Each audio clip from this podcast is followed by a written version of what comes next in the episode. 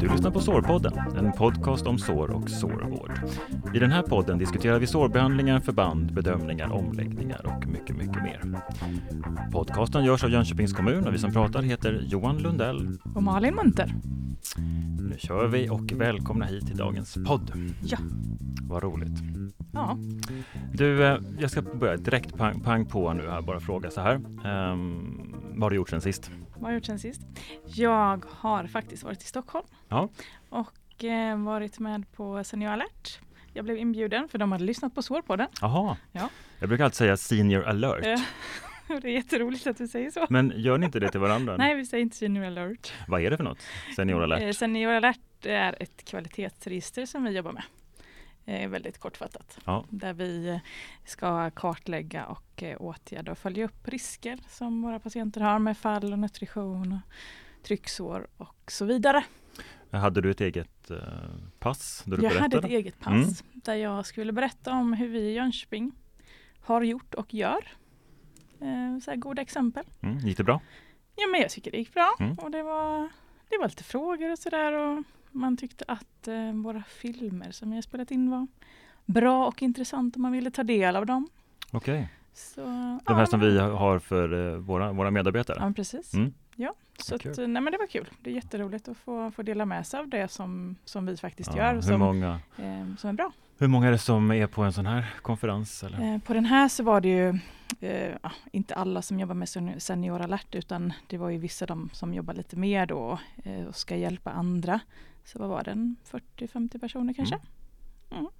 Kul. Så eh, det har jag pysslat med lite Ja. grann. Sen är det ju mass- massa andra saker men det Ja, behöver vi jag inte kan, ta kan idag. tänka mig det, det brukar ju vara så. Vad har du gjort faktiskt. Johan? Uh, oh, vilken, vilken fråga som kom så snabbt. Mm. Jag har ju haft jobbat på i, eh, helt enkelt. Ja, som vanligt. Som vanligt en Ja. vanlig vecka. Ja. Ingen dag är den andra lik brukar vi Nej. säga lite skämtsamt inom citationstecken. Underbart. Eh, så det är nog bra. Mm. Du, vi har fått ett mejl ju Mm. till Sårpodden. Ja, Jag måste bara läsa upp det. gör Ja, det. Det står så här, hej på er! Utropstecken, utropstecken. Eh, hoppas att det snart är dags för ett nytt avsnitt av Sårpodden. Tackar hjärtligast för en kanonbra podd, bra och mycket lärorikt. Ni är bägge mycket bra som radiopratare. Glad gubbe. Ja, det är jätteroligt. Men det var ju roligt att höra. Så att eh, Stefan här som längtar till nästa avsnitt, Ja, jättekul, tack! Och Mejla gärna igen, alltså Ja, fler kan ju mejla också, Ja. det är inte bara du Stefan. Men, ja, jätteroligt att höra. Och det är alltså verkligen påtala det att eh, eh, vi har ju den här frågelådan som man jättegärna får mejla in till. Mm. Eh, för det är, ju, det är ju ni som lyssnar som liksom gör att den här podden lever vidare. Så är det absolut. Så högt Frågorna, och lågt, vad ja, som helst. Var som helst, vad som helst nästan. Och eh, Som har med sår att göra gärna då. Ja, precis. Sarpodden att jonkoping.se är mejladressen och du hittar också ett sånt formulär på jonkoping.se snedstreck Sarpodden. Yes, Så fyll i där. Bra, men vi ska väl kasta oss in i dagens ämne va? men det gör vi. Och vi har faktiskt en gäst i studion. Ja, Vi säger hjärtligt välkommen till Helene Rygert. ja välkommen. Tack så mycket. Du är distriktssköterska Ja, och jobbar på Ekhagens gästhem här i Jönköpings kommun. ja och i vårt palliativa team där vi jobbar med palliativ vård som en resurs ut mot kommunens boenden och funktionshinderomsorgen. Om du kort bara beskriver, vad är palliativ eh, vård? Palliativ vård är ju vård i livets slutskede.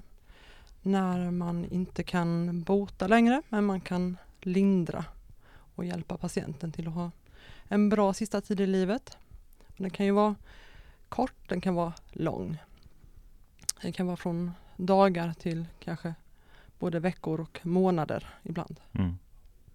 Och i, idag ska vi prata om smärta. Och det är naturligtvis någonting som ni jobbar mycket med då. Det gör vi. Det är ju en ganska stor del av vår vardag, smärtbehandlingen. Men välkommen hit Helene. Tack! Jag tänkte bara eh, fråga också, kan inte du berätta lite Helena om hur du, eh, eller hur ni arbetar lite grann? Kort. Eh, ja, vi, jag och min kollega Margareta, vi är ju anställda av Jönköpings kommun då och eh, vi arbetar tillsammans med läkare som tillhör palliativa vårdenheten här i Jönköping. Eh, och de är ju anställda av regionen och vi kan ta patienter som vi får remiss på, som går till våra läkare och eh, då gör vi besök tillsammans med, med läkarna och eh, gör, försöker bistå med symptomlindring och annat som kan finnas behov av och uppföljningar. Och ibland har jag och min kollega patienter själva som vi samverkar med sjuksköterskorna och, och vårdpersonalen och eh, distriktsläkarna ute i kommunen. Men ni eh, åker runt och åker hem till patienter? Och... Ja, vi åker till patientens boende, alltså på särskilda boenden, okay. inte i hemsjukvården. Där finns eh, kollegor till oss som gör den delen då. Så vi, eh, i och med att vi, vi jobbar vissa helger på Ekångens gästhem som är ju Jönköpings palliativa vårdenhet. Eh, så att vi, får, vi är inblandade både i den vården och jobbar mer konsultativt eh, i den palliativa teamdelen. Då. Hur vanligt är det att eh, ha en sån här palliativ enhet i kommun? Det är ju kanske inte så vanligt om man tittar generellt över Sverige. Det finns ju på några ställen till. Jag kan inte riktigt säga precis att var så men eh, oftast drivs det ju av eh, regioner, landsting, eh, stiftelser faktiskt. Så det är ju inte så vanligt faktiskt. Vad finns det för fördelar med det här sättet att jobba? Eh, fördelar för hur tänker du med oss? Jag tänker för, för patienten. Ja, för patienten. Eh, jag har ju man har jobbat, jag har jobbat många år med detta och man har ganska mycket, stort nätverk eh, och många av de här palliativa konsultativa teamen jobbar inte så mycket mot boendena, eh, särskilda boenden. Och jag tror att en del patienter där faller mellan stolarna, att man kanske inte får den här specialistpalliativa vårdens eh, hjälp som man kan behöva. Eh, och i Jönköping har vi ju en del korttidsplatser och framförallt är vi ju kanske inne på korttidsplatserna eh, och bistår. Och det är ju, dit kommer man ju när det sviktar hemma till exempel. Eh, och är man inskriven i palliativ vård och man ser att det inte är så lång tid kvar, då är man ju ofta kvar där till livets slut. Eh, och det är likadant som Ekångens gästhem som är våran palliativa enhet. Det är ju också en korttidsenhet. Eh, och där är man ju kanske två, tre veckor är väl det vanligaste. Sen har vi en del patienter som är under flera månader. Så att det, där behöver man ju hjälpa till med den här specialiserade palliativa ja, ja, symptomlindringen. Mm. Eh, någonting som jag tycker är väldigt positivt eh, det är ju det att när man väl behöver hjälp från er så är ni bara ett samtal bort eller ett mejl bort och det går ju väldigt fort. Alltså så. Det är aldrig svårt att få tag på er. Nej, vi, vi tänker väl lite så att det här är ju på ett sätt och vis akutsjukvård. Att mm, det här är den här personens sista tid i livet. Då kan inte vi vänta till nästa vecka och gå in och, och hjälpa till. Det måste vi göra nu. Det är inte säkert att den personen lever nästa vecka. Mm. Eh, och det är som sagt det är jättebra att ni finns så, närma till hands. Mm. Ehm, jag använder mig av deras kompetens eh, när jag känner att jag behöver det. Och sagt återigen så är de bara ett samtal eller mail borta. Och just när det gäller smärta hos patienter. Jag, jag tycker verkligen att man ska alltså, använda kompetensen när det finns. Och eh, Helena och Maggan då, de är ju superduktiga på smärta. Så att eh, jag brukar inte tveka när det gäller att rådfråga dem om det. Eller be om hjälp. Och det är därför de är här idag, eller Helena är här idag.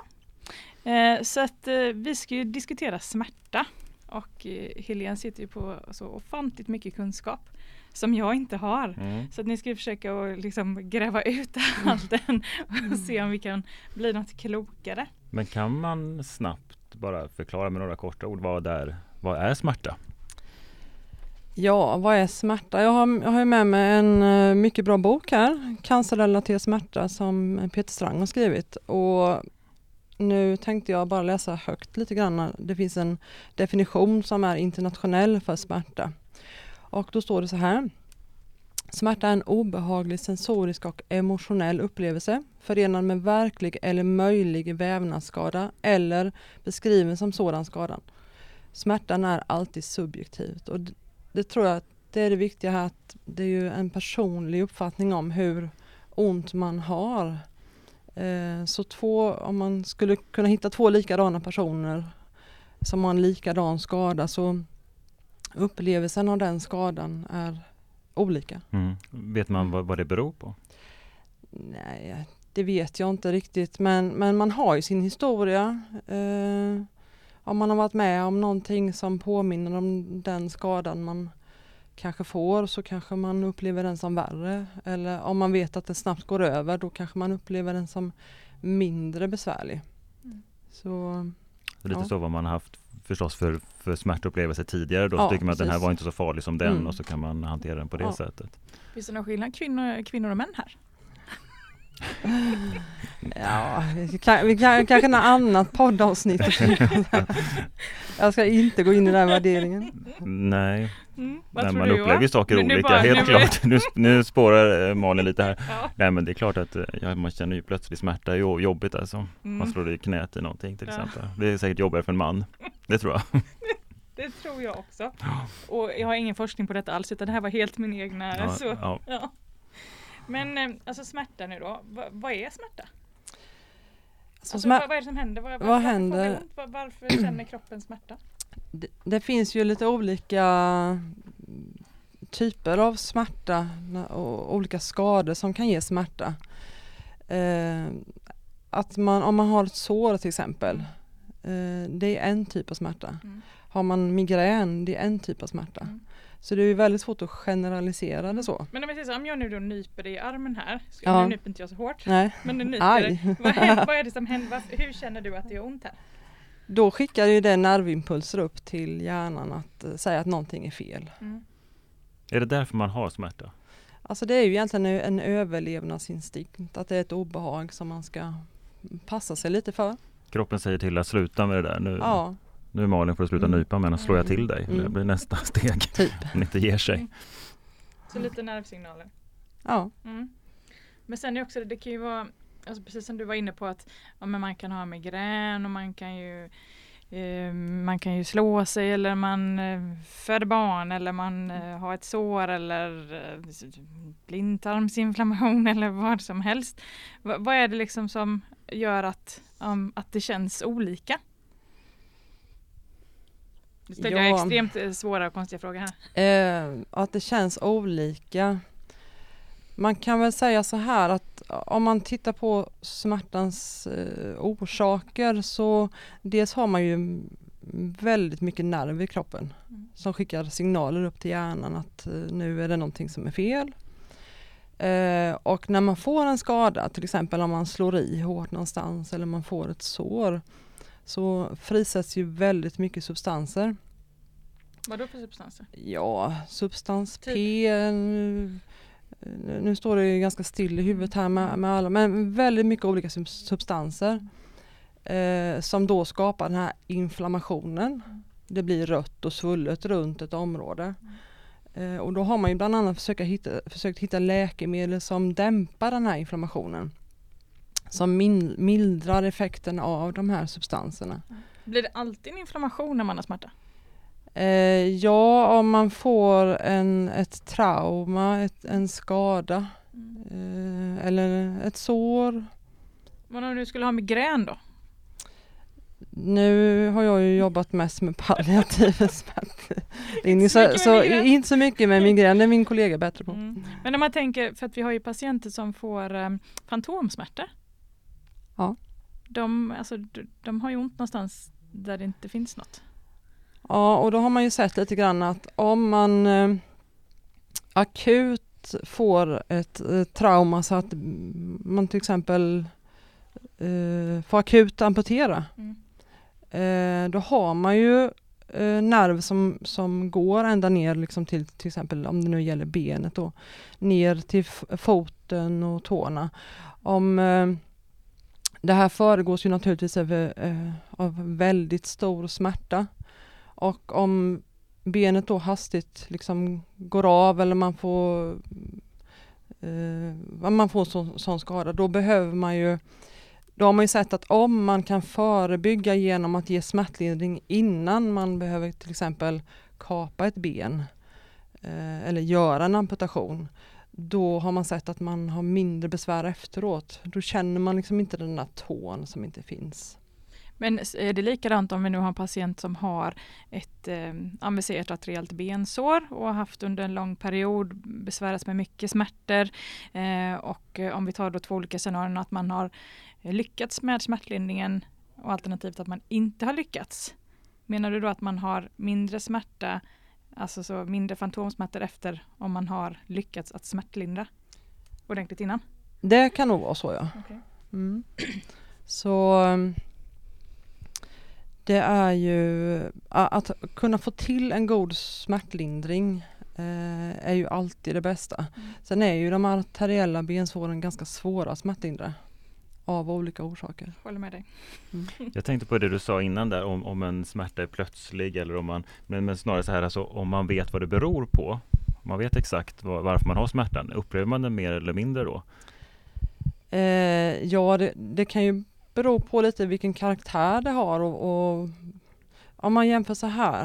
Eh, om man ska föda barn, då har man ju väldigt ont. Men det blir ju något väldigt positivt av det. Har man en, ett tumörsår som gör väldigt ont, det blir inget positivt det av det. inget positivt nej. alls, nej. Så det är också en del av, av upplevelsen. Men då vet man, när man föder barn så vet man också att det, det går över ja. efter en viss tid. Mm. Och, och man kan få smärtlindring och, eh, och så. Men det är också det här med det här förväntade lite då?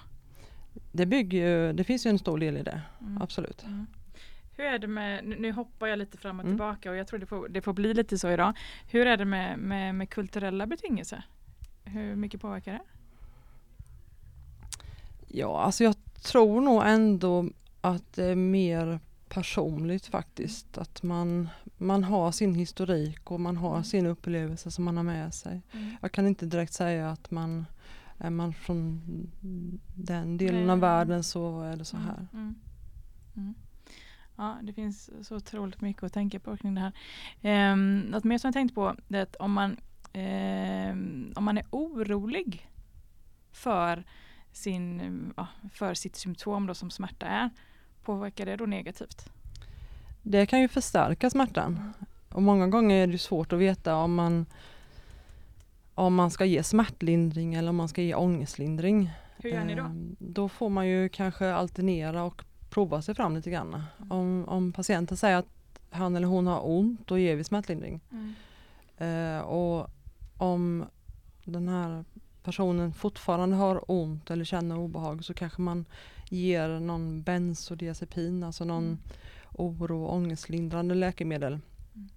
För att se om det kanske potentierar opioiden och minskar smärtan. Mm. Vad har man för målsättning? Som man, om du har en, en patient i livets slutskede och så känner den smärta.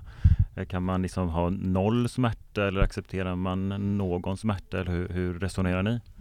Eh, vi försöker ju kanske säga att vi inte kan lova att någon blir helt smärtlindrad eller helt symptomfri. För det finns ju andra symptom i palliativ vård som kan vara nog så besvärande. Till exempel eh, illamående eller oro och ångest. Då. Men eh, att, vi, att man ska kunna bli lindrad, det är ju absolut vår målsättning. Och i vissa enstaka fall så är det ju så, ibland så att vi har patienter som vi inte når fram smärtmässigt. Eh, att kunna lindra ordentligt och då, då ger vi mer lugnande orosdämpande läkemedel. Hur eh, mäter ni smärtan med de här patienterna? Eh, det finns ju olika mätinstrument. Det finns ju den som heter VAS och då mäter man ju på en skala från 0 till 10. 10 är värsta tänkbara smärta. Eh, och så finns det ju det har kommit en hel del eh, nytt nu, eh, som heter Abby Pain och då tittar man på beteenden när man har en patient som inte kan själv säga. Eh, och då tittar man till exempel på kroppen, ligger man stilla i spänd eller är man motoriskt orolig och kan inte koppla av. Ansiktet, har man grimaser eller ljud? Det är ju en typ av eh, mätning. Sen finns det ju eh, något som kallas för SÖS-stickan och den kommer från Stockholms regionen och då är det en förenklad form av den här som heter Abbey Pain. Så det är väl de vi använder oss av i första hand. Kan man mäta på något sätt kemiskt och se om, om patienten har smärta? Man tänker att det finns mycket av de här substanserna i blodet eller vad det nu kan vara.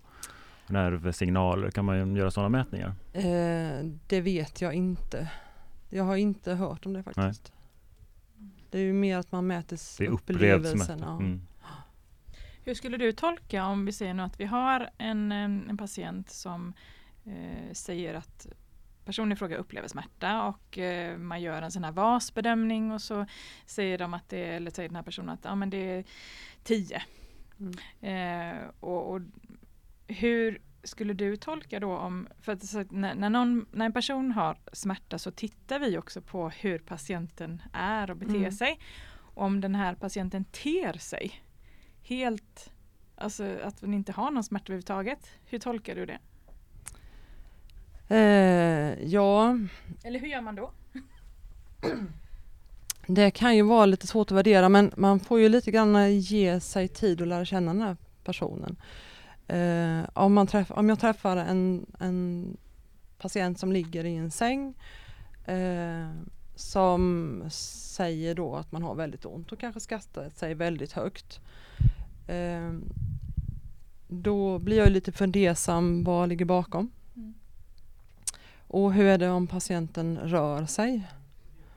Eh, och då, alltså då måste man ju fördjupa sig och grotta ner sig i, i den här personens historia med anamnes och, och så. Men, men det är ju upplevelsen som, som är det starka. Det, därför måste man li, lite skilja på våra palliativa patienter och om man har en kronisk smärtproblematik. Till exempel?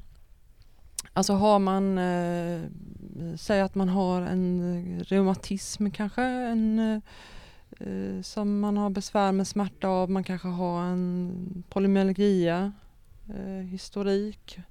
Eh, alltså man kanske har smärta sedan många år tillbaka. Mm. Och då kan man fundera på, kan man inte bara ge de här personerna morfinpreparat så att de blir smärtlindrande? Men det funkar inte riktigt så. Mm. Ofta är det inte den typen av smärta som svarar på morfinpreparat. Mm. Och man kan inte ha, eller det kan man ju, man kan väl äta morfinpreparat under väldigt lång tid men det blir bieffekter som eh, inte är så önskvärda och bra. Och då pratar Till exempelvis? Eh, ja, jag, in, jag pratar egentligen inte om beroendeproblematiken där utan man kan få nedsatt immunförsvar. Vi hade en, en patient som hade väldigt höga doser opioider som utvecklade en diabetes eh, som försvann när vi kunde ja, lång historia, men vi kunde eh, ta bort egentligen alla den här personens eh, opioider. Okay. Då försvann diabetesen. Jaha. Ja. Okay. Det, men det är det enda för, liksom, fallet jag vet om eller så. Mm. Men för oss var det ju en, eh, en ja, intressant mm. Men upplever, upplever du att patienter med en kronisk smärta vänjer sig vid smärtan? Eh, nu träffar ju inte egentligen jag så många som har en kronisk smärta om inte man blir palliativ och har en smärthistorik. Eh, men blir man då palliativ att man tänker att man har en begränsad tid kvar i livet då kan man bli mer frikostig med opioider. Och det kan ju ge en viss lindring till en viss typ av smärta. Förstår du vad opioider är Johan? Ja, men, eh, det, ja det tror jag att jag gör, jag kan inte förklara det. Men det, det, morfin. det är ju, morfin, det är ju någon, någon drog som vi brukar säga ja, kanske annars ja. i samhället så, som man sätter som medicin då. Ja, en del säger morfinpreparat men morfin är ju en del i eh, opioidgruppen då. Mm. Det finns ju väldigt många olika typer av opioider. Mm. Eh, om man nu hoppar in lite då på det här med läkemedel, hur upplever du att man eh, har man koll på det här vilka läkemedel man ska ge vid olika typer av smärta och sådär? Ja, inte, inte alltid. Eh, och det man kanske ibland missar det är ju att man ibland kanske är lite för eh, snål. Mm. Eh, men att man även ibland missar att man behöver kombinera olika läkemedel. Mm. Okay. Varför vill man vara snål?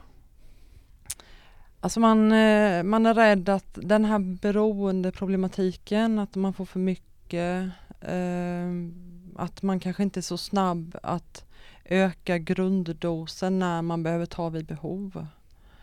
Eh, Finns det Ja. någon sån här regel om man nu står på någon opioid att ja, men har du en sån här dos så ska du ta så här mycket vid behov?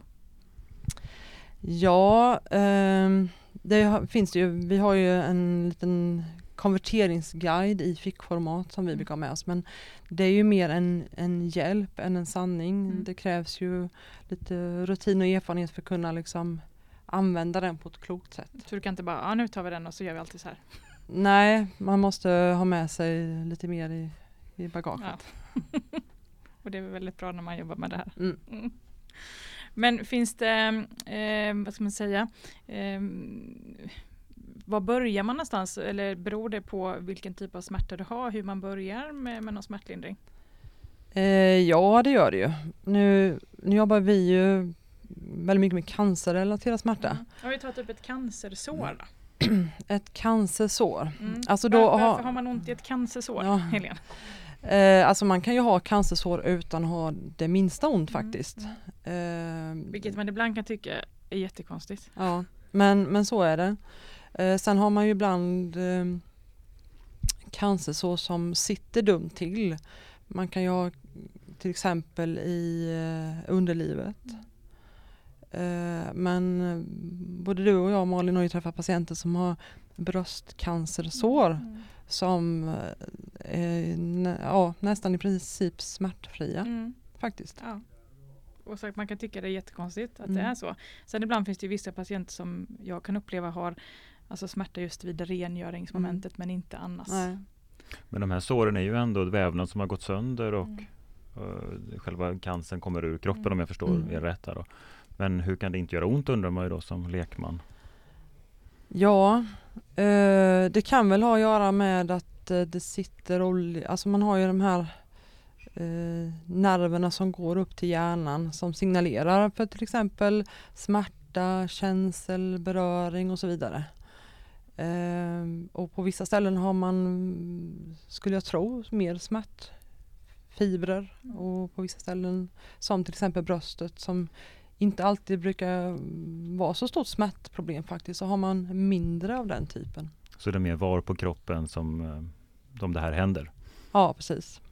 Sen så det som jag har stött på ibland, eh, som vi pratade om tror jag också lite Johan tidigare avsnitt, att det, har man nu kanske då ett tumörsår i underlivet och eh, det liksom kommer urin på, då, då kan det också bli en helt annan, ja, att man kan få smärta av det.